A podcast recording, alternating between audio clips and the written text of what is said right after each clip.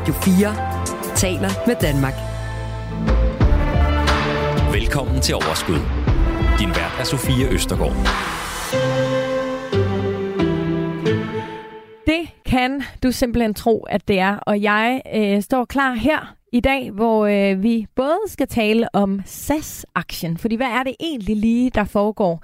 Øh, vi kan jo se på kursen, at den... Øh, den går øh, lidt den forkerte vej, i hvert fald hvis man øh, har investeret i den. Øhm, men øh, der er også gode nyheder i øh, det her program. Vi skal nemlig tale om de nyeste inflationstal. Og for at det ikke skal være løgn, så kommer I også med et smut over Atlanten, for vi skal nemlig til USA, hvor det er lidt usikre tider for økonomien. Der er simpelthen en problemstilling om det amerikanske gældsloft, altså den øvre grænse for, hvor mange penge staten må skylde væk. Og nu kan det godt være, at du sidder og tænker, hvad i alverden rager det mig? Og der vil jeg bare sige, at det rager dig faktisk rigtig meget, særligt hvis du er en af de typer, der går op i din økonomi. Fordi den usikkerhed, som er i USA, de bekymringer, de har derover, de kan altså meget vel gå øh, hen og sprede sig til, øh, til, til vores lille land. Jeg vil sige, der er allerede nogen, der er en smule bekymret. Men øh, hvad det egentlig overhovedet går ud på, og øh, hvordan øh, det eventuelt i så fald vil kunne sprede sig til øh, Danmark, det skal vi tale om i dag.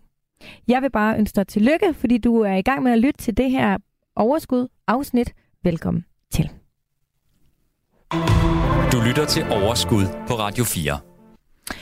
Økonomisk kommentator på politikken og øh, selvstændig Frank Hvid Petersen. Velkommen til. Tak skal du have. Du har jo en lang, lang øh, erfaring. Tidligere investeringschef i Nordea, og du rådgiver, og du underviser og holder foredrag om økonomi og finanser og megatrends og alle sådan nogle forskellige ting. Velkommen til. Tak skal du have. Jeg er glad for, at du kunne være her i dag. Tak for invitationen. Vil du øh, lige kort sætte et par ord på, øh, hvad du laver sådan, til dagligt? I dag? Ja, altså først øh, fra tilbage fra 90'erne og frem til 2017, der har jeg været ansat alle mulige steder i den finansielle branche og investeret øh, og rådgivet. Og siden 17 har jeg haft mit eget firma, og ved siden af det, så skriver jeg for forskellige medier, blandt andet øh, Dagbladet Politikken, Ja. og uddanner nationaløkonom. Så det er lidt med nationaløkonomiske briller, og sådan finansbriller, at jeg skriver for dem om, mm. hvad der sker rundt omkring i verden. Og at være nationaløkonom, be- betyder det det, som jeg tænker, at det er vores øh, økonomi, du... Øh, Ja, det er sådan noget med arbejdsløshed, renter, aktier, øh, BNP. Øh, hvorfor har vi nogle gange opsving? Hvorfor har vi nogle gange tilbage, øh, tilbagegang? Og mm. ja, hvad er det, der driver vækst og, og inflation og sådan nogle ting? Vi skal jo snakke inflation senere. Ja, Så det er nogle på det overordnede plan, ikke? Ja. Ja, det er det, vi kalder makroøkonomi eller nationaløkonomi her. Ja. ja. Så du, øh, du følger ret godt med, kan man roligt sige. En anden, der følger ret godt med, Lars Gårgaard, det er dig. Tak. Det gør jeg, ja. Ja, det gør du da. Ja, Ikke? jo. Du er jo øh, fra Danske Bank, og trofaste lytter af programmet vil kende dig øh, ret godt efterhånden. Investeringsstrateg. Ja. Øhm, der bliver ved med at være utrolig mange spændende ting at tale om, synes jeg. Men sådan er det. Mit arbejde, det er super, super spændende. Der er altid noget spændende at tale om. Ja, det er der. Og øh, vi skal tale om øh, mange spændende ting i dag. Mm. Men jeg vil også sige, at øh, I var begge to øh, ret begejstrede for, at vi skulle tale om USA. Fordi som jeg sagde her i introen, at der er måske nogen, der vil sidde og tænke, ja, ja, om det bliver hævet, eller om det ikke bliver hævet, det her gældsloft, og det ene og det andet og det tredje. Det betyder måske ikke så meget for os. Altså, og jeg tror, at de fleste, der lytter med, ved jo godt, at USA er kæmpe økonomi, og selvfølgelig læner vi os på en eller anden måde. Altså, vi bliver påvirket af dem. Mm. Men lige præcis det her, kan gå hen og have en ret stor betydning for os. Lars, hvorfor, hvor, hvorfor synes du, det er vigtigt at tale om, sådan at, at vi almindelige mennesker også bliver sat lidt ind i det her?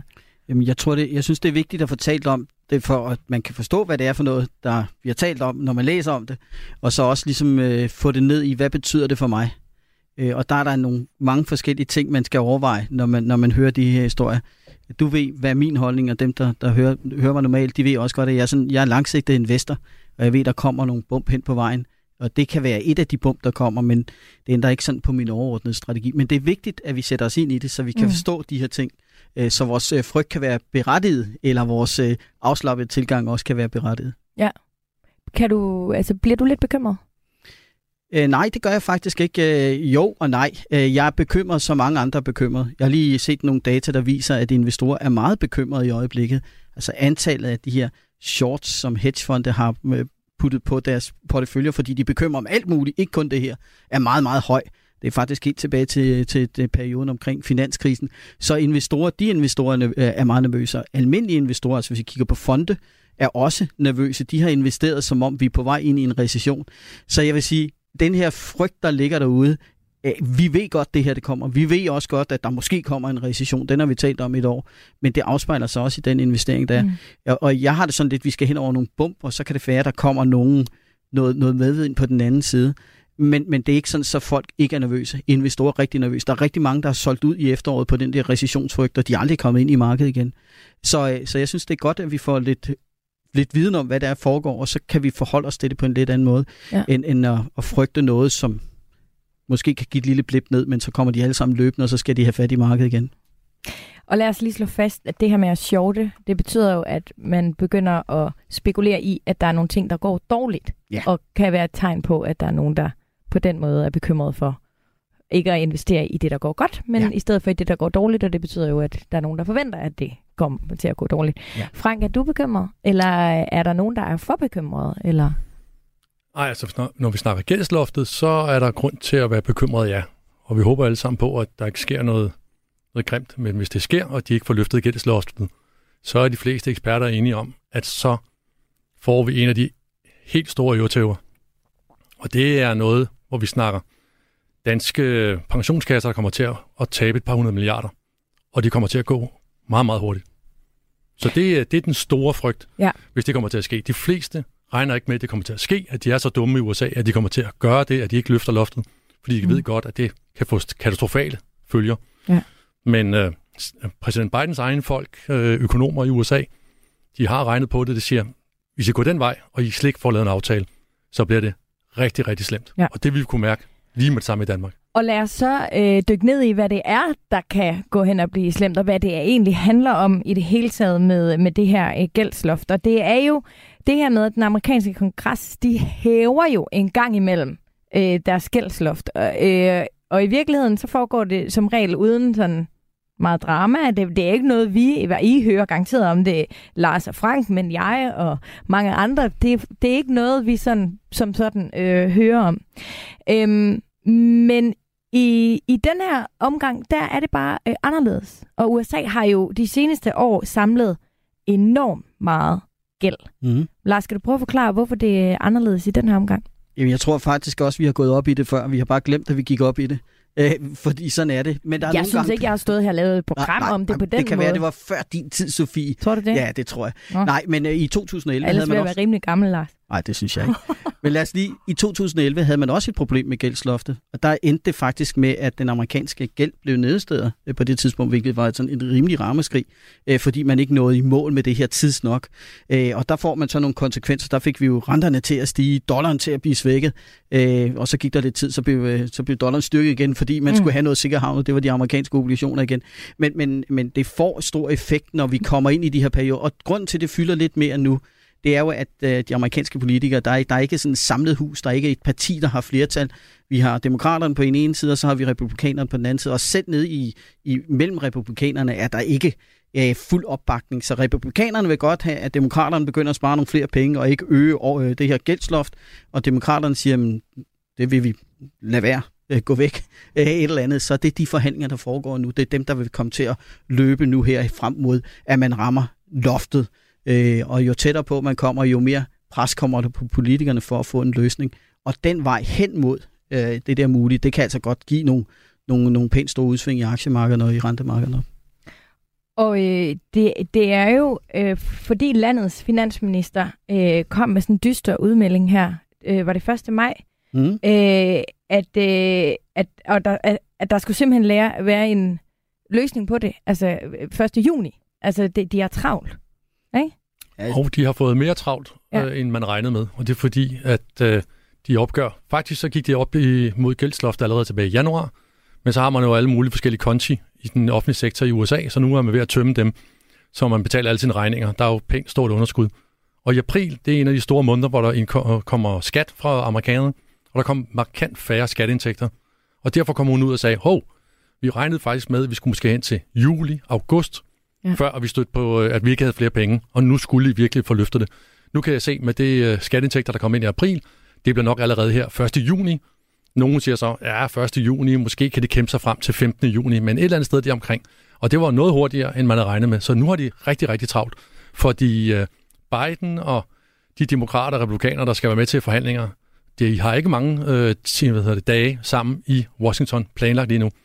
Han har jo givet syv møder i Japan og ja. alle mulige andre ting. Så, så det er helt lavpraktisk. Helt lavpraktisk. Altså, nu og skal det er vi ikke samles. noget, man lige tager på en Teams-forbindelse? Øh, øh, nej, det, det, det, det håber man jo, de kunne finde ud af, men ja. det ser ikke så ud som om, at, det, at det, det bliver så nemt, nej. nej. Så lige pludselig er der pres på, og lige pludselig begynder markederne også at sige, nå for pokker, det er jo ikke noget, vi skulle bekymre os om om to-tre måneder, det er, det er inden for tre, tre uger, ikke? Ja. Så for at slå helt fast, så er det sådan, at USA de har vedtaget et gældsloft. Mm-hmm. Altså, at de må ikke få mere gæld end øh, hertil. Mm-hmm. Og nu er de ved at nå det gældsloft. Og det, som der så er sket tidligere, det er, at de bare er blevet enige om, at prøv her, vi rykker det bare højere op. Ja. Hvilket jo, altså, ja, er en rimelig let løsning. Altså, som jo ikke er en let løsning, men tænk, hvis man kunne gøre det derhjemme. Ja. ja. Sige, det er jo ikke sikkert, at banken var med på den, men nej. Altså, det kan jo virke meget simpelt, men den her omgang, der er der simpelthen ikke enighed om bare at rykke loftet.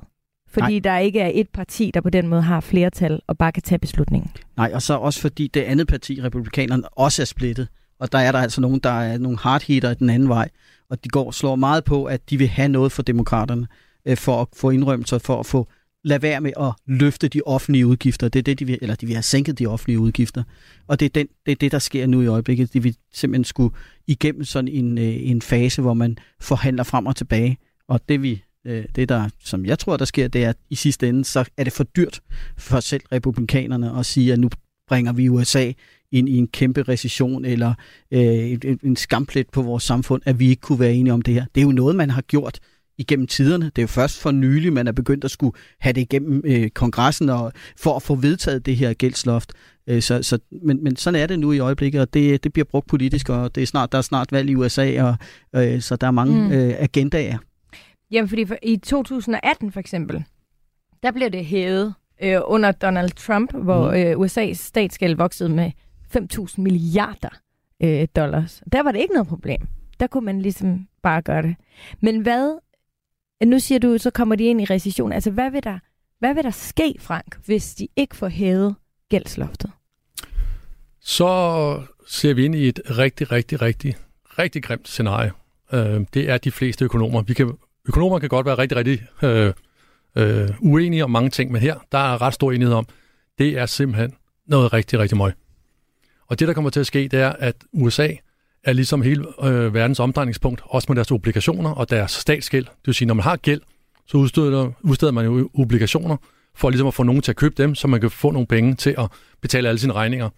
Og der er en masse rundt omkring i hele verden, også danskere øh, og danske pensionskasser, der ejer de amerikanske obligationer.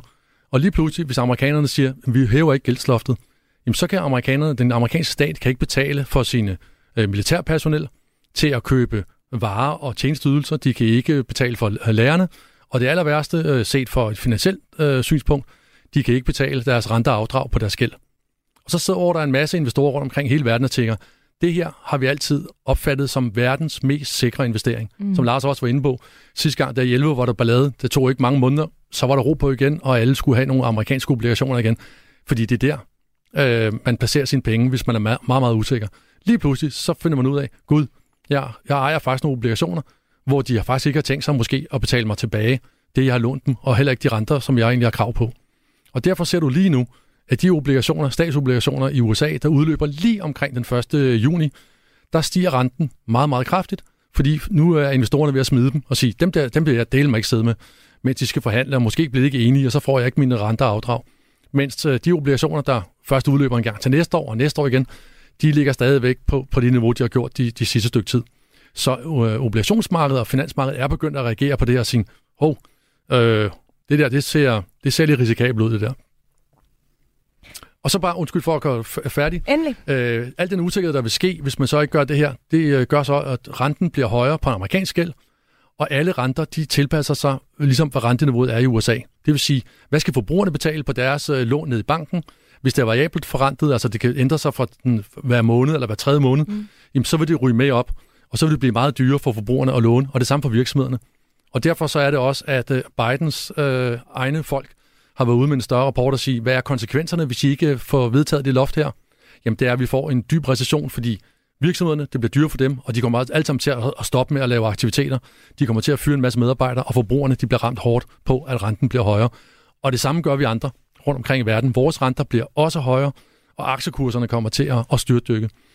Uh, hans Council of Economic Advisors, som er ligesom hans, hans rådgiver, i deres rapport, hvor de lavede her for nylig, der siger de, de regner med i det, det der worst case scenario, som det du ligesom spørger til her, der vil aktiemarkedet falde 45 procent så kan man sige, at de måske lagt lidt til, fordi de godt vil have de vil jo gerne have, lidt ja, drama, ikke? det kan jeg heller ja. ikke lade være med at tænke på. Nej, men hvis du spørger investeringsbanker, hvis du spørger Moody's, et af de store øh, kreditvurderingsbyråer, Brookings Institute, som er sådan en uafhængig øh, tænketank, så siger de, ja, det bliver nok noget, det, det, det slag, eller så, så bliver det måske 30 procent.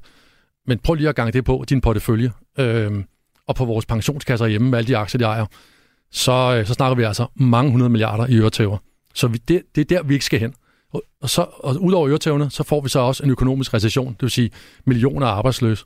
Og der er de enige om, jamen på meget kort tid, så ser vi fyringer af måske 4-6 millioner mennesker øh, i USA, og det breder sig så til resten af verden. Så det er bare der, tilbage til os, som Lars siger, de fleste forventer, så dumme er de simpelthen ikke, at de jogger ud i det minefelt, fordi det bliver simpelthen en kæmpe katastrofe. Så det er der, vi er henne, så øh, det er derfor, det, det er interessant og. Og, og når vi nu taler om, altså der er jo også noget politik i det her, ikke? Altså ja. selvfølgelig de er, Bidens folk er jo, øh, de vil jo gerne have det til at se, altså deres prognoser skal være så ja. skidt til muligt, men det er jo heller ikke, lægger ikke op til et genvalg for Biden, tænker jeg, hvis uh, at han fører landet på. ud i, eller hvad? Det kommer ind på, hvem der får skylden for, at man ryger ud i den her ballade. Så hvis det er, mm. at uh, demokraterne kan sige, at det var jeres skyld, det ikke kom til at ske, så kan man give, give genvalg på, at det var dem, der spændte ben. Så det her, og jeg er helt enig, der, der, det kan, det kan gå rigtig, rigtig galt. Og det er også derfor, det hele tiden bliver, bliver hævet, det her gældsloft, fordi alternativet øh, er ikke håndterbart. og ikke, det er der ikke nogen, der vil have. Det er vejen hen imod, hvor der giver de her store udsving øh, i markederne. Og vi kan se det ind i rentemarkedet, fuldstændig som Frank han siger. Vi har bare svært ved at se det lige ind i aktiemarkedet. Og man kan så sige, der er investorerne, når vi sidder og kigger ind i det, så er de altså forberedt på krig. De, er, de, er, de har afdække deres porteføljer. De ligger meget, meget defensivt. Øh, så, så i hvert scenarie, som er et risikoscenarie, så er der også en risiko for, at der kommer en løsning. Hvad sker der så med markedet, når alle de her mm. mennesker, de lige pludselig har været så negative, og så mm. kommer der en løsning? Det er det, der er mit, mit point, det er, hvis vi kigger historisk, så er det noget, der kommer løsninger på. Vi skal kunne vide det op i vores hoveder, at der kan være nogle udsving, og vi skal ikke tage store risici i øjeblikket. Men det har jeg også talt om et stykke tid. Det er tiden ikke til. Vi skal bare være stille og mm. rolige og holde fast på stumperne. Ja. Og så skal vi nok også skride igennem den her storm. Men det er jo... Altså, her taler vi lidt anderledes, end vi måske gør andre steder, hvor I øh, er endertal om økonomi. Men det er jo lort på lort. Altså, vi er jo ja, allerede... i det ene scenarie. altså, ja, er det, det ja, i det ene scenarie, ja. fordi du taler om, renterne skal stige, og det bliver dyrere at være forbruger. Ja. Altså, alt det, det kender vi alt for godt allerede. Ja. Så det er måske også derfor, at prognoserne så er så, altså, altså sorte, sorte.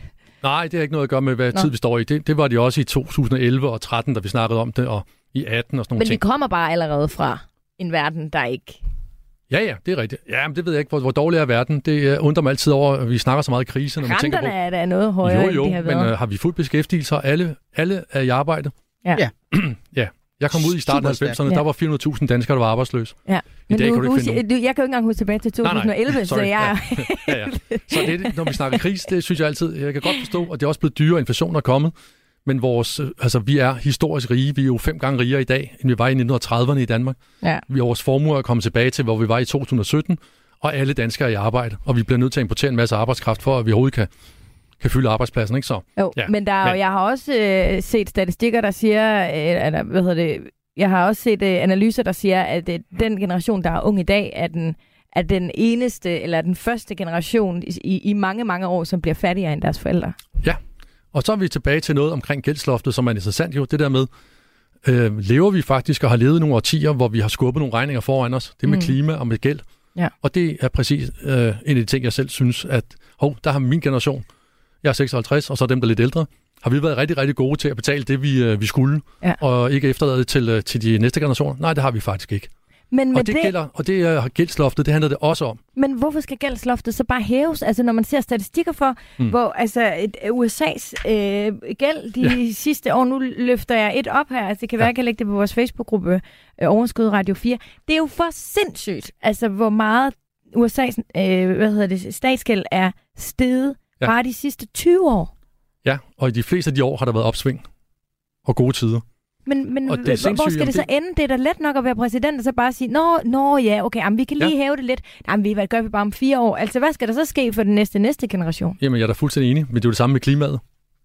Det må ikke gå ondt på nogen, det må ikke koste noget. Øh, er det ikke det, vi snakker om hele tiden? Jamen, Så det er jo bare, at vi har brugt nogle penge, vi ikke havde. Og det er jo ikke kun USA, der står med en stor statsgæld. Det er jo det samme i mange andre lande. Og det er en statsgæld, der stiger. Og for første gang i nogensinde, så ser vi, at statsgælden stiger, mens der er økonomisk opsving, og der er fuld beskæftigelse. Det har vi aldrig set før. Hvad betyder det? Det betyder, at vi bruger sindssygt mange penge, som vi låner af fremtiden, for at bruge dem i, nutiden. Og det er et problem. Og det er vi ved at mere, mere og mere at få øjnene op for. Og Joe Biden bruger også mange penge. Trump bruger rigtig, rigtig mange penge. Joe Biden bruger endnu flere penge. Og det er der ligegyldigt økonomisk øh, ståsted, vil jeg næsten sige. Ja. Så er det ret bekymrende. Ja, fordi Lars, du siger, nej, du var ikke så bekymret for lige den der isoleret set øh, situation. Men det her, altså, det kan jeg da godt blive bekymret for. Det kan da godt være, at det ikke er os tre, der kommer til at opleve de ægte konsekvenser af det der. Jeg er helt men enig. altså, Jeg er helt enig med Frank. Altså, vi har, når vi har forskellige risici, og når vi kigger rigtig, rigtig langt ud i, i fremtiden, så en af de her ting, det er gælden. Vores gæld. Det er en bekymring. Men jeg er jo så der, hvor jeg skal forholde mig til det investeringsmæssige her og nu. Mm, Og der kan jeg ikke se, at det er noget. Jeg, jeg ved, det er derude.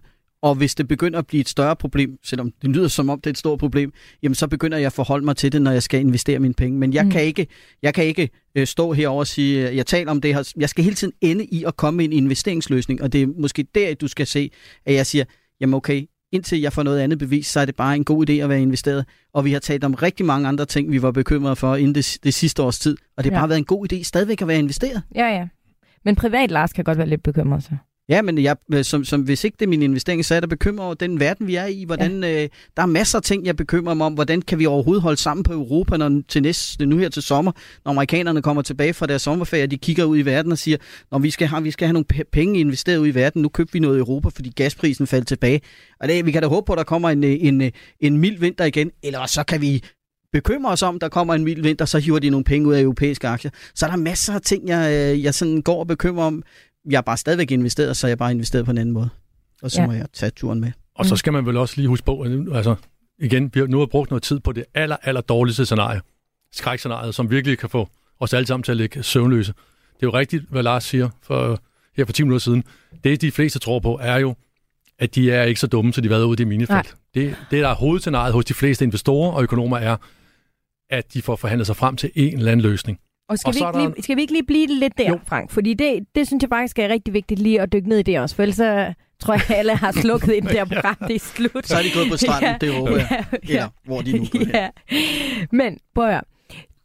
Som jeg forstår det, så det der ligesom skal til, det er, at øh, det, er det det her top 4 meeting, som de, øh, de taler om, hvor han ligesom skal mødes med øh, de her øh, vigtige folk, som skal tage den her beslutning, som vi har været inde på. De er meget svære at samle, og det er måske ikke noget, man lige tager over en Teams, øh, hvis man sidder fem steder øh, øh, i hele, øh, rundt i hele landet. Øhm, men øh, det er bare snart 1. juni. Mm. Men omvendt, som du siger, Lars, selvfølgelig har de al mulig grund til at få fikset det her. Ja, og så har de også nogle ting, som vi ikke taler så meget om. Jeg ved, Clinton han var ude og sige i forbindelse med, med deres problem, jamen så havde han det, der hedder den 14. For, øh, forfatningsamendment, eller tilføjelse til, til deres lov derovre, hvor han kan gå ind og iværksætte den her, fordi hvis man indfører det her, og hvis man det kommer i den her krise, jamen så vil det ramme ujævnt på den amerikanske befolkning. Og det vil man kunne forsøge at bruge den her The 14th kalder man den. Øh, og, og når man gør det, så kan man udskyde det. Øh, det, det. Det tror jeg ikke, de gør, men det er en mulighed. Så er det så lige pludselig, så er det deres øh, retssystem, der skal forholde sig til, om, om det er ok, han bruger den her The 14th Amendment. Øh, men, men ja, der er, der er masser af ting, og, og bare, jeg vil bare lige sige, det kan godt være, at de hovedpersonerne ikke lige kan mødes hele tiden, Mm. mm. men jeg kan love dig, at øh, forhandlerne, øh, de skal nok øh, være der. Det, det skal de så samle deres grupper for at få, få tingene igennem og tage dem igennem med dem, og så mødes man i gang med dem. Så jeg tror, at øh, selvom, og jeg er helt enig med, at det, det er lidt ærgerligt, at de har meget få officielle dage, men jeg er også sikker på, at de, de vil godt ofre en, en fridag eller to, hvis det er, at det er det her, der skal handles igennem, og det gør de. Er det, er det, også, er det også sådan en mediehistorie? Eller sådan en, uh, de har ikke, altså selvfølgelig har de tid til at mødes og finde ud af det her. Altså, ja, ja, det er jo ikke altså, lavpraktikken, der kommer til nej, at gøre, at USA ikke får hævet deres øh, gældsloft. Nej, nej, nej, nej, og det er rigtigt, hvad Lars siger. Øh, altså, de to navne, vi skal holde øje med, det ene det er Joe Biden, ham kender vi. Den anden, det er Kevin McCarthy. Det er ham, som er formand for, øh, for republikanerne i repræsentanternes hus, hvor de har flertal. Ja. Det er de to, der kommer til at forhandle. Okay. Og deres folk er i gang. Og det er øh, alle kilder i, i USA og i Washington siger, at de sidder og forhandler lige nu. Og så er det godt, at der kommer noget lavpraktisk om, hvor mange dage kan Joe Biden så være ude at rejse og sådan nogle ting. Det skal de nok finde ud af. Det er ikke så meget det. Men tilbage til scenarierne, hvis jeg må det, ja, så vil jeg sige, endelig. det værste scenarie, det er rigtigt. Det har vi været ude for. Det var minifeltet. De har været ude, og de bliver uvenner, og de kan ikke løfte gældsloftet, og der går mange måneder, hvor de går og skændes, og de kan ikke betale deres rente afdrag, de kan ikke betale øh, for en masse offentlige ansatte, som står der og ikke har nogen penge. Det er det aller værste scenarie. I den modsatte øh, ende, i det bedste scenarie, og det var det, Lars også var inde på, der er det jo der med, de er presset, de kommer tæt på deadline, fordi øh, Joe Biden vil gerne have en aftale. Han er ligesom præsidenten, han skal være den ansvarlige. Mm. McCarthy, han er kun blevet valgt ind som formand for repræsentanternes hus, fordi at der er nogle Trump hardliners, som har sagt, okay, så stemmer vi på dig, men du skal også gå hårdt til demokraterne, når I skal forhandle om gældsloftet. Så du skal have besparelser hjem. Og det ved Biden jo godt, så må det ikke, det bliver et eller andet med, at de forhandler sig frem til et eller andet ting, som McCarthy i aller sidste øjeblik kan sige, så nu stemmer vi for det her, for vi skal ikke ud over gældsloftet. Det er det, man mener. Og hvis det er rigtigt, øh, og det måske også bliver lidt før, man lige står der 1. juni, og det ikke er flere penge, så vil sandsynligvis finansmarkedet reagere positivt og sige, puha, så den store risiko, den er overstået. Mm. Og så ligger der nogle scenarier ind imellem det. Og det var det, Lars inden, også var inde på. Inden du går videre ja, med dem. Nej, du skal overhovedet ikke undskylde, fordi det er skidespændende. Jeg vil bare gerne lige, du siger, at han skal have nogle besparelser. Ja. Hvad, hvad, hvad, hvad, hvad betyder det? Hvad ja, er det for men... nogle besparelser? Altså, vi kender finansloven ja. herhjemmefra. Er det, er det noget? Eller, altså, ja, det er det. Hvad, hvad jo... betyder det? Kevin ja. McCarthy, han skal have en besparelse. Ja, og han har jo allerede selv lagt noget frem, og republikanerne har lagt noget frem, og det er en masse besparelser, som vil gøre, at øh, hvis man skulle føre dem igennem, så vil det på det, mange af de offentlige budgetter, så vil du skulle spare 25 procent øh, meget, meget hurtigt. Og ja. det er også derfor, der er mange, der siger, det er ikke realistisk, fordi så går USA's økonomi simpelthen i sort. Fordi selvom vi har en mindre offentlig sektor, end vi har i Danmark, så er 25 procents besparelser, det kan de ikke overleve i en situation lige nu, hvor væksten ikke er så høj. Så det tror man ikke rigtigt på. Det man måske, øh, som man kigger på, det er, at måske kunne man love noget med, hvis nu vi øh, forhandler om at løfte gældsloftet, måske ikke et, to år frem, men måske tre-seks måneder frem, så vi får lidt mere tid, mm så siger Bidens folk så, måske kan vi så aftale, at så får vi også, så lover vi, at der er noget luft, eller der er undskyld, noget loft ja. på nogle af udgifterne. At vi finder nogle besparelser nogen ja, ikke, Nej, måske ikke sådan nogle besparelser, men bare, vi lover, at der bliver et loft over nogle af okay. udgifterne, så det ikke bare kan løbe helt af, helt af, øh, af pommeren til. Ja. Fordi der er nogle af hans nye lovgivninger, der ryger altså flere penge ud af kassen, end man har regnet med øh, på nogle af hans, øh, hans seneste lovgivninger. Der er blandt andet noget, der hedder Inflation Reduction Act. Der ser det ud som om, at der, den koster dobbelt så meget, som man har regnet med. Hvad, Måske, hvad handler det om? Jamen, det handler blandt andet om, at man gerne vil hjemtage en masse produktion til USA, mm. som er vigtigt. Øh, blandt andet for computerchips, øh, mineraler. Og der betaler man som en virksomhed for at flytte deres arbejdspladser hjem. Og der er der så åbenbart flere virksomheder, som har taget imod den Ja, det er jo stort set en blankocheck, som de ja, okay. næsten får for, for staten. tilskud, ja. Så det er alt for mange penge, det koster. Og der kunne man måske godt lave en aftale, der hedder, hvis I gider at flytte gældsloftet, så lægger vi et låg på de der udgifter. Så kan han komme tilbage til sin hardline og så sige, vi skal jo ikke være ude i minefeltet, det ville være åndssvagt. Det her, det var, hvad jeg kunne få, ja. og vi forhandlede tæt op på deadline. Og, og hvis øh, det så sker, ja. hvordan, hvad sker der så for USA? Er det, er det sådan mere eller mindre upåvirket, eller hvad? Ja, og, vil og være, vil der være nogle rystelser her ja, til Danmark? Det vil, ja, det vil der øh, afhængig af, hvor, det kommer, hvor tæt de kommer på deadline. Så jo tættere de kommer på deadline, jo mere begynder alle at blive nervøse, også investorerne på Wall Street og øh, obligationsinvestorer og aktieinvestorer. Og så vil du begynde at se kurserne begynde at give sig. De vil også begynde at falde, hvis de kommer meget tæt på. Det så vi allerede i 2011. Så får vi altså nogle, så får vi nogle tæsk på en helt korte bane. Fordi man er simpelthen usikker. Der er nogen, der ikke tør at blive siddende med deres investeringer. Mm. Øhm, det er det. Og der er også nogle økonomer, som er bange for, selvom vi kommer tæt på, og så får løftet loftet, så vil det have gjort så meget skade ved, at renterne er steget, og folk er blevet nervøse, at det faktisk alene det, så vil det koste et par hundredtusind arbejdspladser. Det siger Bidens egne økonomer også selv. Selvom vi får vedtaget loftet, men vi kommer meget tæt på. Alene usikkerheden, Det er Wow. cirka 200.000 arbejdspladser, regner de med. Du lytter til Overskud på Radio 4. Det er, øh, det er vildt nok, Mm. det hele, ikke? Øhm, men jeg kunne godt tænke mig at prøve at dykke en lille smule ned i, hvad- hvad vi så som investorer øh, skal gøre. Og jeg er med på, øh, hvad du formentlig vil sige, Lars. Jamen, der er også nogle andre ting, som Nå, jeg måske vil sige lidt i, i relation til det, Frank har sagt. Ja, men altså, jeg kan jo godt lide dit ordsprog, som jeg overhovedet ikke kan gengive, men som er noget, eller at det er bedre at være bekymret, investeret, end ikke være investeret op for bekymret. Det er bedre at være investeret og være bekymret, end at være så bekymret, så du ikke er investeret. Ja. ja det er rigtigt. Den er nemlig skidegod. Ja, det er Men, øhm, men er der noget med, hvis nu, altså I taler om, I taler faktisk, synes det jeg hører jer sige, det er, at stort set ligegyldigt, hvor vi ender, så vil det her formentlig have en påvirkning. Og det vil nok gøre, at der bliver noget nervøsitet. Så hvis Mhm. man nu for eksempel er typen, der tror på, at de nok skal hæve det gældsloft, og det nok på den måde skal gå, men at vi kommer lidt tættere på 1. juni, Mm. så kan det jo være en god idé, altså hvis man vil lege lidt. Mm.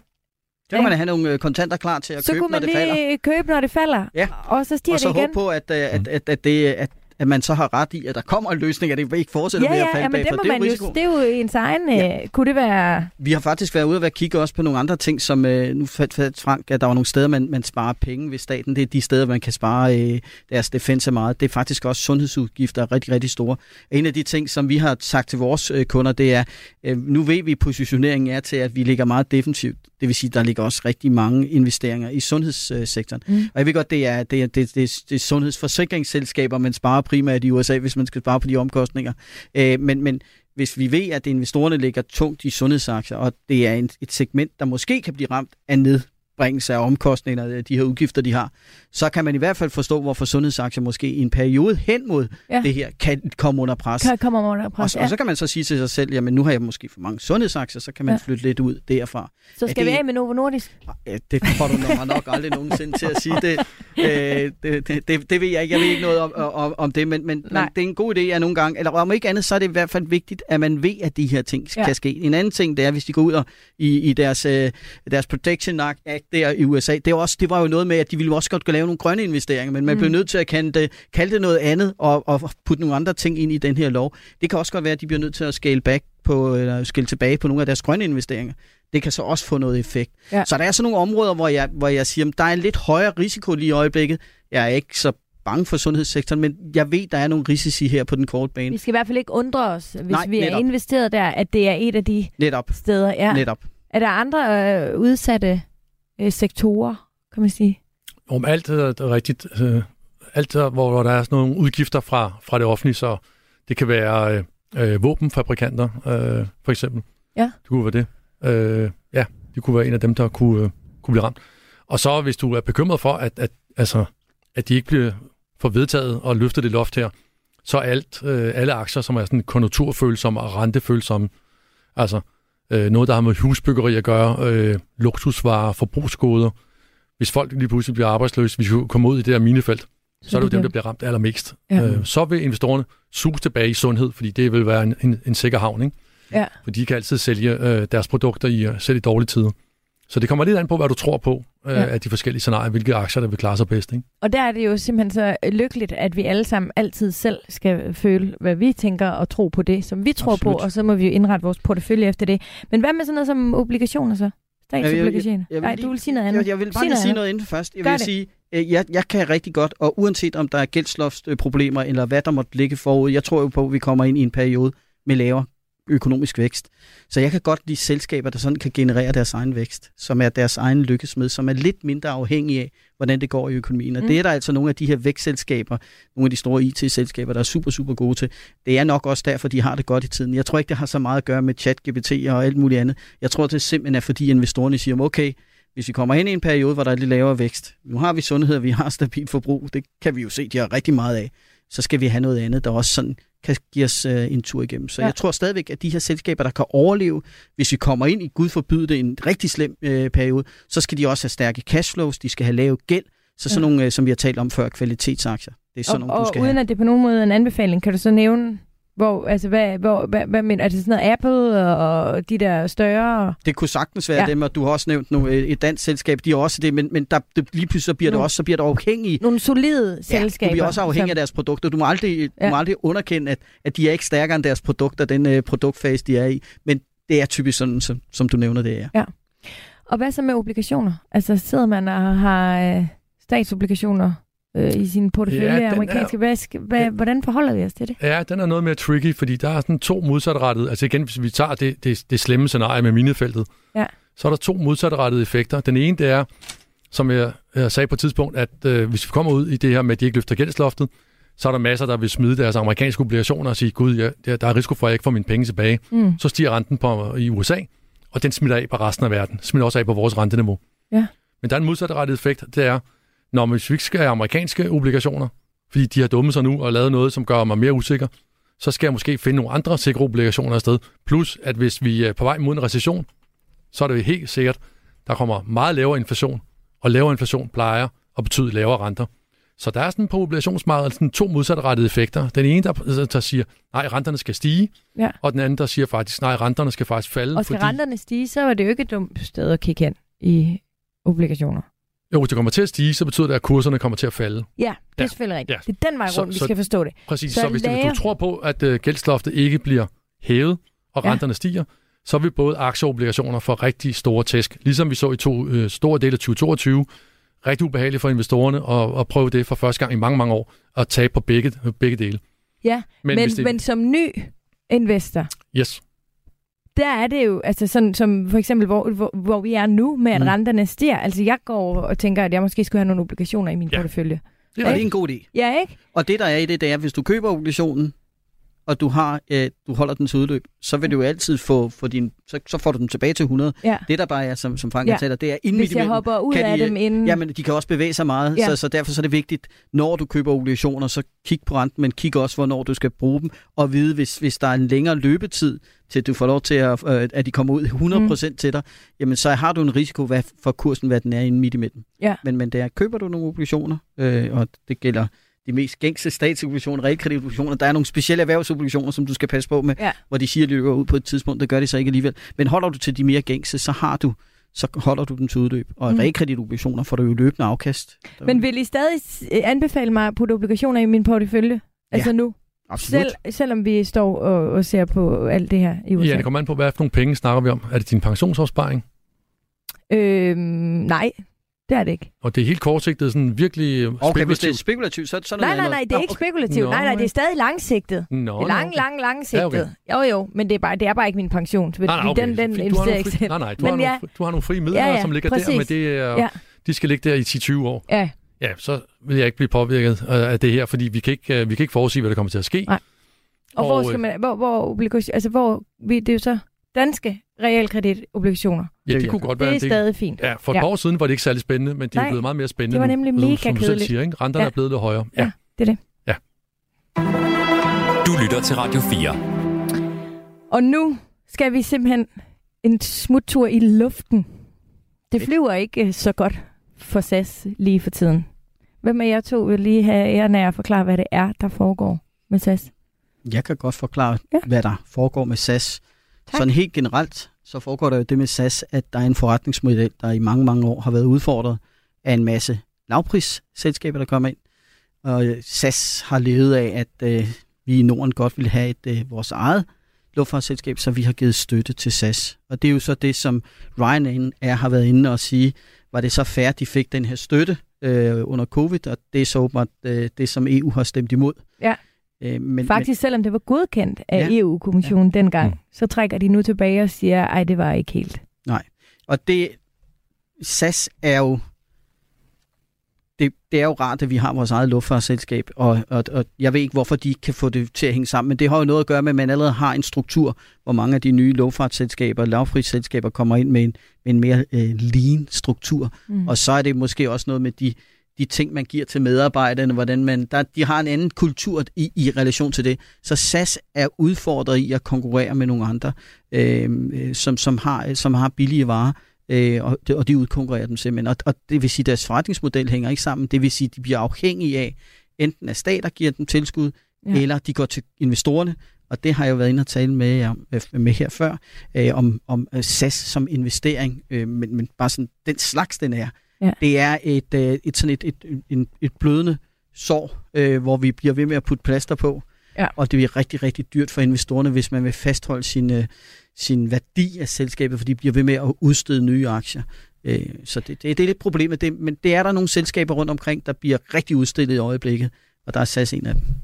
Og det drejer sig om 7,3 milliarder kroner, som øh, de fik i støtte, og som de nu skal betale tilbage. Mm. Kan de overhovedet det, Frank? Ikke hvis de skal gøre det lige her, øh, her nu, så tror jeg, det bliver ret svært for dem. Som jeg øh, husker deres, øh, deres indtjening og deres cashflow, så, ja. så er det i hvert fald en presbold. Mm. Men nu øh, tror jeg også, de kommer nok til at anke, og der er alle mulige muligheder for at få skubbet det her lidt ud i fremtiden. Ja. Men det er selvfølgelig en usikkerhed, der ligger hen over øh, selskabet, indtil der kommer en, en endelig afgørelse. Og hvordan er det med SAS? Fordi altså, nu er det jo bare mig. Jeg ved jo på ingen måde lige så meget som jer.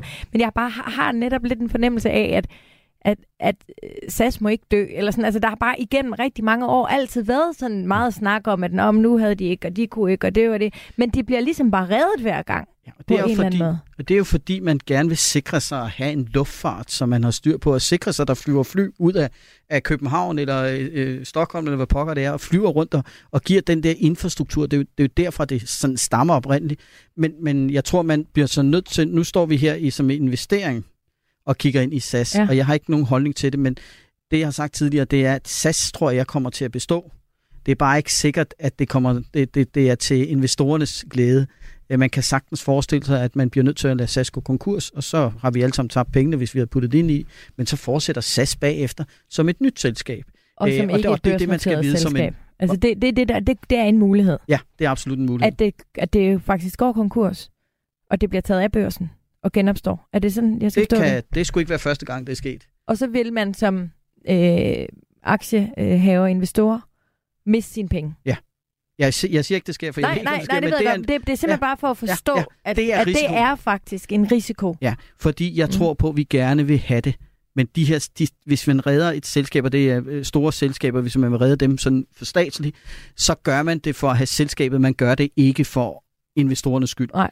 Øh, det tror jeg, befolkningen vil have rigtig, rigtig svært ved at acceptere, mm. at nu går I ud og redder øh, SAS, bare fordi der er nogen, øh, nogen, der har spekuleret eller investeret i det, øh, for I skulle redde dem. Det kommer ikke til at ske. Så hvis man kommer til det, så, øh, så er der nogen, der må lade livet. Ligesom vi har set andre steder, Credit Suisse, der måtte øh, simpelthen, der mistede, og ikke alle, de mistede ikke alle pengene, men altså det er den her periode, hvor, og det er en, det er bare en rigtig hård periode også for SAS at være i, fordi det er, det er den her fase, vi er i. Det, vi er i en fase, hvor det i forvejen er hårdt at være øh, ikke så robust. Ja. Øh, og dem kommer der, der kommer flere af de her tilfælde. Og de der penge, der normalt vil gå ind, den der risikovillige kapital, den er der ikke. Øh, de der Saudier, de kan slippe på 9,9 procent i Credit Suisse, velvidende, at hvis de sagde nej tak til det her, så vil det nok gå galt for dem. Så folk er rigtig påpasselige med, hvad de putter penge i. Og hvad skal vi... Lad os sige, at jeg havde SAS i min portefølje. Jeg er med på, at I to kommer ikke til at sige, om jeg skal sælge eller købe, men, men hvad skal jeg overveje?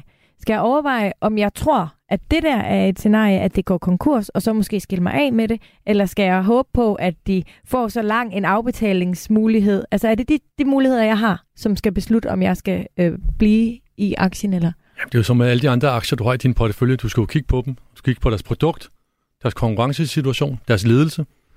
Øh, alle de ting, der er lovgivning. Og så tænke, og måske også lige kigge lidt på konjunkturen og se, hvad er der medvind til branchen, eller modvind, eller er der nogle andre ting og så skal du gå op, når tror jeg rent faktisk, at det her det kan blive en, en going concern, det vil sige, at de kan blive ved med at overleve og tjene penge og blive et flyselskab, der, der også er der om, om fem år. Og hvis du ikke mm. tror på det, ja, så skal du til at komme ud af den.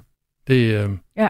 Ja, og der er det en vigtig pointe, tror jeg, at det eksisterer om fem år, på, altså som et børsnoteret øh, ja, ja, selskab, ja. ikke? Fordi det er jo egentlig det, som øh, jeg synes er, er ret interessant. At, ja. Ja, så, fordi jeg tror, at alle, jamen, SAS Selvfølgelig har vi SAS, men, men i, i forskellige former jo, ikke? Jeg er helt enig med Frank, ja. og det man i hvert fald så kan gøre op med sig selv, det er, at du skal vide, at hvis du overvejer at købe det, altså ting, der falder tilbage i øjeblikket, øh, skal du passe rigtig, rigtig meget på. Øh, hvis markedet ligger fladt, og der er noget, der begynder at falde markant, så er det ikke altid en smart idé at gå ud og købe det, bare fordi det falder tilbage. Fordi der så, er lidt tilbud derude? Ja, der, der er ikke noget, der er tilbud i øjeblikket. Det er bare en færre pris, tror jeg, der efterhånden er ved at opstå. Der er rigtig mange, der kommer under pres og vi har haft nogle eksempler på nogle ting, der er faldet rigtig meget her den seneste tid, og det har ikke været en god idé at købe den. Øh, så pas rigtig meget på med det, og lad være med at blive forledt af, at, at de, det er et gode tilbud. Du lytter til Overskud på Radio 4. Frank og Lars, vi skal simpelthen lige slutte on a high note. Ikke? Vi skal tale inflationstal. Jamen, jeg prøver lige at kan godt jo, mærke altså, det. Jeg er økonom, altså, så jeg synes, det er fedt at ja. snakke om inflation. Ja, ja. og der er jo lidt gode øh, faktisk øh, nyheder her. Eller altså, nu ved jeg godt, nu nyheder og nyheder, det er jo selvfølgelig ved at være nogle dage gamle. Øhm, jeg så også øh, boligmarkedet for april måned. Altså, det ser også øh, fint ud. Det går også den rigtige vej, hvis man i hvert fald gerne vil have... kan jeg se det over. Ja, ja jeg er glad. præcis. Der er altså nogle positive tal derude. Og mm. dem synes jeg, at vi skal slutte med sådan en positiv inflationsfest her til sidst. Velvidende med alt det, vi har talt om her i programmet, øh, at det jo selvfølgelig stadig mm. kan gå øh, en anden vej øh, ret hurtigt. Ikke? Øh, men øh, inflationen, den øh, faldt for 6. måned i træk. Øh, og øh, det kan nogen jo godt øh, føle, kan give lidt luft øh, i økonomien til de mange trængte danske husstande, som jo virkelig har kæmpet øh, voldsomt mange mere, eller nogen mere end andre. Øh, men forbrugerpriserne var i april 5,3 procent højere end i samme måned øh, sidste år, øh, mens stigningen var 6,7 procent i marts. Ikke? Det er da ikke så tosset. Nej, det er den rigtige retning. Ja, Ja. det er da dejligt. Ja. Havde jeg haft et glas hvidvin her, så ville jeg skåle med jer, det har jeg desværre ikke. Vi tager vand. Det var det godt. Jeg tager næste gang, I kommer. Jeg synes, jeg har sagt mange gange til dig, Lars. Jeg har både lovet dig vin og brød, og jeg tror endda også en gulerod engang. Jeg får vand nu. Nej, det er godt. Øhm, men Frank, hvor, hvor positivt er det her? Om det er positivt, og det er den rigtige retning, det er det, vi skal, og vi skal bare have mere af det, fordi vi skal huske på, og nu nærmer vi os de måneder, vi sammenligner med sidste år, hvor øh, priserne begyndte at stige rigtig meget øh, efter Ukraine. Øh, krigen gik i gang. Og det vil sige, det kan godt være, at det er 5%, men hvis det efterhånden begynder at blive nogle par procenter oven i noget, der allerede er højt, så gør det stadig nas. Og det gør det. Så jeg Mm. kigger meget på det, ikke år til år, som du gør det. Jeg kigger meget måned til måned, Ja. hvor meget stiger priserne. Ja. Og der er det heldigvis også, at vi har haft nogle meget, meget store stigninger sidste år, hver måned. Næsten en procent hver måned i en periode. Og nu er det kommet ned på meget, meget lavere. 0,2, 0,3, 0,4. Det er stadigvæk noget, der kan mærkes derude. Men det er klart, at, øh, at priserne er kommet. Prispresset er blevet mindre. Ja. Og der er, det er også en flere og flere varer, man godt kan se i supermarkedet, der begynder at være en lille smule billigere. Mm. Og så er der stadig nogen, hvor man tænker, det var lige godt pokkers, fordi verdensmarkedspriserne er kommet ned, men priserne bliver ved med at være høje. Øh, og det er der også meget fokus på rundt omkring i de forskellige lande, at, at der er så nogle producenter, der har været rigtig dygtige under det her inflationsopgang øh, til ligesom at hæve priserne endnu Ja. mere. Så det er i hvert fald ikke dem, der kommer til at blive ramt. Det bliver også forbrugere, der bliver ramt. Ja. Og de er ikke så hurtige til at sende priserne ned Jeg skulle igen. til at sige, kan vi være sikre på, at de så alle sammen også får pr- priserne med ned igen? Nej, nej. Nej, det, Det, er jo du, lidt det er noget at gøre med konkurrence, og konkurrencemyndighederne skal holde lidt øje, og hvor, hvor, hvor mange er vi til at producere og konkurrere mod hinanden og sådan noget. Ja, ja, helt klart. Det gælder om for virksomheder jo at tjene så mange penge som muligt. Og det er derfor, man plejer at sige, at aktier øh, kan være øh, inflationssikrede, fordi der kommer den her effekt. Man hæver priserne, og så holder man dem bare derop, øh, selvom inflationen så rent faktisk falder tilbage. Så, så sidder de der. Det kan jeg jo godt forstå, at der er nogle af de her stabile forbrugsaktier, der Mm. virkelig øh, er elsket, fordi det, det er jo derinde, man har kunne hæve pri, øh, prisen på nogle af vores dagligvarer. Mm. Øh, og så holder de, så ligger de nu og, og netter på, på det her. Mm. Men pæne tal, det går i den rigtige retning, men Ja. ja. de, de skal jo længere ned endnu. 5 procent, det er jo stadigvæk. Vi vil gerne ned og ramme de to, ikke? Jo, det er jo det, der er målet fra, Ja. ja. fra rigtig mange centralbanker, som ligesom står for det der med at holde styr på inflationen. Og 5 procent skal man også bare huske på. Jamen, renten på staten, den danske stats øh, obligationer, er jo 3 procent. Så hvis inflationen bider sig fast på 5, så er der altså ikke øh, mange, der gider at købe dem til 3 procent, de der obligationer. Ja. Fordi så bliver det fuldstændig udvandet. Så kommer obligationerne jo skal til at have flere tæsk, og renterne skal endnu højere op på både boliglån og forbrugslån og statens lån. Så derfor skal vi have inflationen længere ned. Og ja, målet og håbet er jo, at det kommer ned på 2% om, ja, det tager lidt tid. Ja. Det sagde den europæiske centralbank. Det er ligesom dem, vi følger. De siger, at det kommer til at tage lidt tid, det her. Og hvad er lidt tid? Ah, vi skal ind i 25. Det, tendensen er stadig nedad, men, men øh, det kommer til at tage tid. Og så afhængig af, hvad der så sker på vejen. Ja, ja, med gældsloft og recessioner ja. og ikke recessioner. Men hvad er det, ja. der skal få os ned på de 2 procent? Hvad, hvad, altså, hvad, mm, ja, der, økonomien begynder at stoppe lidt op, at vi øh, forbruger på en anden måde, at, øh, vi forbrugere ikke er så optimistiske, fordi det er jo øh, i bund og grund os, der virkelig holder dampen op øh, i øjeblikket. Det er serviceinflation. Det er der, hvor vi er. Og det er den øh, høj, fordi at øh, vi, øh, vi har en stærk jobsikkerhed, som, som Frank er inde på. Vi har det godt. Selvom vi piver lidt, så har vi faktisk det rigtig godt. Øh, og derfor så tager det lidt tid. Øh, det, det, der også er problemet, det er, hvis du skal ramme forbrugerne i USA, så rentevåbnet, det at man hæver renten, det har ikke helt den samme effekt, som det har tidligere, fordi blandt andet deres lån ligger nu huslånene, hvor de tidligere var variable lån, så ligger de fastforrentede lån. Så der er sådan noget, det tager lidt ekstra tid, inden det når at ramme os. Og det vi selvfølgelig er bange for, det er, at de får at de får overgjort de her opstramninger, sådan så de virkelig får os slået helt til ludo hjem, øh, sådan så vi slet ikke gør noget, og så får vi den her dybe recession bagefter. Så det er den her fine balance, vi skal gerne se inflationen begynde at komme ned, sådan så vi også kan begynde at se centralbanker, de når at stoppe i tide, øh, fordi der, det tager noget tid fra, når man har stoppet sin sidste rentehike, til at man begynder at få de rigtige effekter ind i økonomien.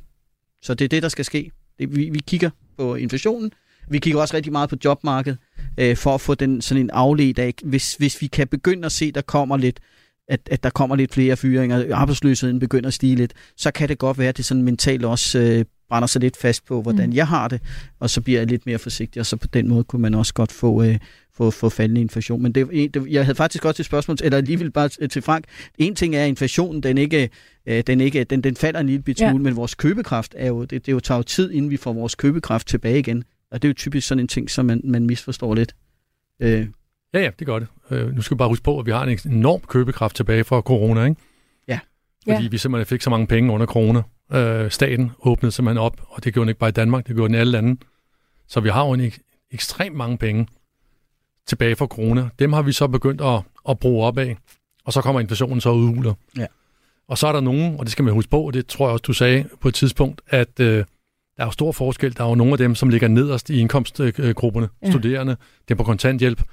Der er den inflation, vi havde sidste år, det, den gør virkelig, virkelig nas. Og så har vi altså middelklassen, øvre øh, middelklasse i Danmark. For dem, der, ja, det går nok. Øh, der er stadigvæk råd til både biler i indkørselen og ferierejser og alt muligt andet. Men for dem nederst, der gør sådan noget inflation, der kommer her uventet, det gør rigtig, rigtig nas. Der er virkelig nogen, der, der har det hårdt derude nu. Mm. Øh, og skal virkelig kigge efter. Der er nogle pensionister, øh, der også, øh, selvom de har fået ældre check, også er, er hårdt ramt af det her. Ja, det er der virkelig. Så stor, stor forskel på, hvordan den danske befolkning, og også befolkningen i andre lande... Ja, det rammer lande, også skævt. Det taler vi om, men det gør det, det også. også skævt, det gør det altså også bare ja, det det øh, herhjemme i Danmark, og det skal vi selvfølgelig huske på. Påvirker det øh, aktiemarkederne? Eller, påvirker det markedet det her med, at der er positive tegn på... Altså Ja, hvis inflationen begynder at bøje af, så kommer der sådan et, et, et let suk ind. Der vil være nogle af de her, som nu talte vi om nogle vækstaktier, som er påvirket af, af renterne. De kan få lidt mere medvind. Der kan være nogle af finansaktierne, som ellers nyder godt af renten, der stiger. De kan få lidt mindre medvind, selvom lige i øjeblikket, så er det sådan lidt et sweet spot. De ligger mange finanser. Bankerne de ligger og tjener penge på. Renten er stedet lidt, og, og udlån er faktisk ok, men, men når vi kigger sådan lidt et halvt års tid frem, så, så vil de nok også begynde at mærke, at øh, vi kan jo se, at det er ikke fordi, de går ved låne ud, men vi kan jo se, at øh, folk vil låne mindre. Mm. Så der er sådan lidt, lidt i aktiviteten for dem, der begynder at bøje, sådan bøje lidt af. Øhm, så, så jeg vil sige, når jeg står og kigger ind i det her og får sådan nogle inflationsdata, så bliver jeg glad i låget, fordi det er det, der skal til at ske. Vi skal have inflationen ned. Øh, og så er der bare nogle, nogle aktier, jeg bliver endnu mere fokuseret på, at jeg gerne vil have de her vækstaktier, de store vækstaktier, de får noget momentum. Og så gider jeg altså ikke at bøje mig ned efter en bankaktie, der falder, fordi der er uro lige i øjeblikket. Ja. Så det er det, jeg bruger det til. Mm. Og skal man slå en sløjfe på vores snak omkring gældsloft, så kan man jo mm. sige, at udfordringen lige nu er jo, at øh, politikerne rundt omkring i verden bruger sindssygt mange penge. Mm. Og det vil sige, det bliver sværere og sværere for centralbankerne. De prøver at hæve renten og ligesom bremse festen op og sige, nu skal vi det lige køle lidt af. Og så står politikerne altså med Biden i spidsen og læser og, og læser penge ud. Ja. Ikke? Og det er jo en af de ting, der nok er grunden til, at vi blev overrasket over den recession, mange snakkede om sidste år. Vi troede, vi ville komme i år, på grund af de der meget høje energipriser. Den er ikke kommet. Dels fordi energipriserne er faldet igen, men ja. dels også fordi, der er altså kommet mange milliarder ud fra, fra politikerne. Så det er en af de store udfordringer, når vi går frem igen, det er, øh, med inflationen kan, kan politikerne bremse lidt op og bruge lidt færre penge, og så på et tidspunkt, så bliver der også meget fokus igen på statsgæld. Ja. Det er meget, meget stor gæld, der er i rigtig mange lande derude. Det er svært at blive valgt som politiker, hvis man vil holde igen med sine udgifter. Ja. Det, det, det er lidt det, der er problemet. Men det kan være, det vil være nogle af de politikere, vi skal begynde at stemme lidt på efterhånden. Men øh, det skal man jo selvfølgelig selv øh, bestemme, men det kan det godt man. være, at vi skal prøve at overveje vores forbrug generelt alle sammen. Men øh, hvor er det dejligt, at vi helt sikkert har mere indhold til en masse flere overskudprogrammer, fordi der sker godt nok meget, og det er helt utroligt øh, spændende at høre om, når sådan to som jeg øh, er i studiet, fordi I kan faktisk gøre selv noget af det, som lyder allermest kedeligt. Mega spændende. Så tusind tak øh, for det. Frank øh, Hvid Petersen, tak fordi du ville være med i dag. Tak skal du have. Og også dig, Lars Skovgaard øh, Andersen fra øh, Danske Bank. Tak. Programmet her var tilrettelagt af Patrick Pape og af mig selv. Og husk lige, at du kan finde øh, Facebook-gruppen. Den hedder Overskud Radio 4. Der er du meget velkommen til at blive medlem. Og så kunne jeg faktisk godt tænke mig at slutte af med et lille citat. Det kommer fra Herre Skovgaard. Selvom vi piver lidt, så har vi det faktisk meget godt. Tak for i dag. Du har lyttet til en podcast fra Radio 4. Find flere episoder i vores app, eller der, hvor du lytter til podcast. Radio 4 taler med Danmark.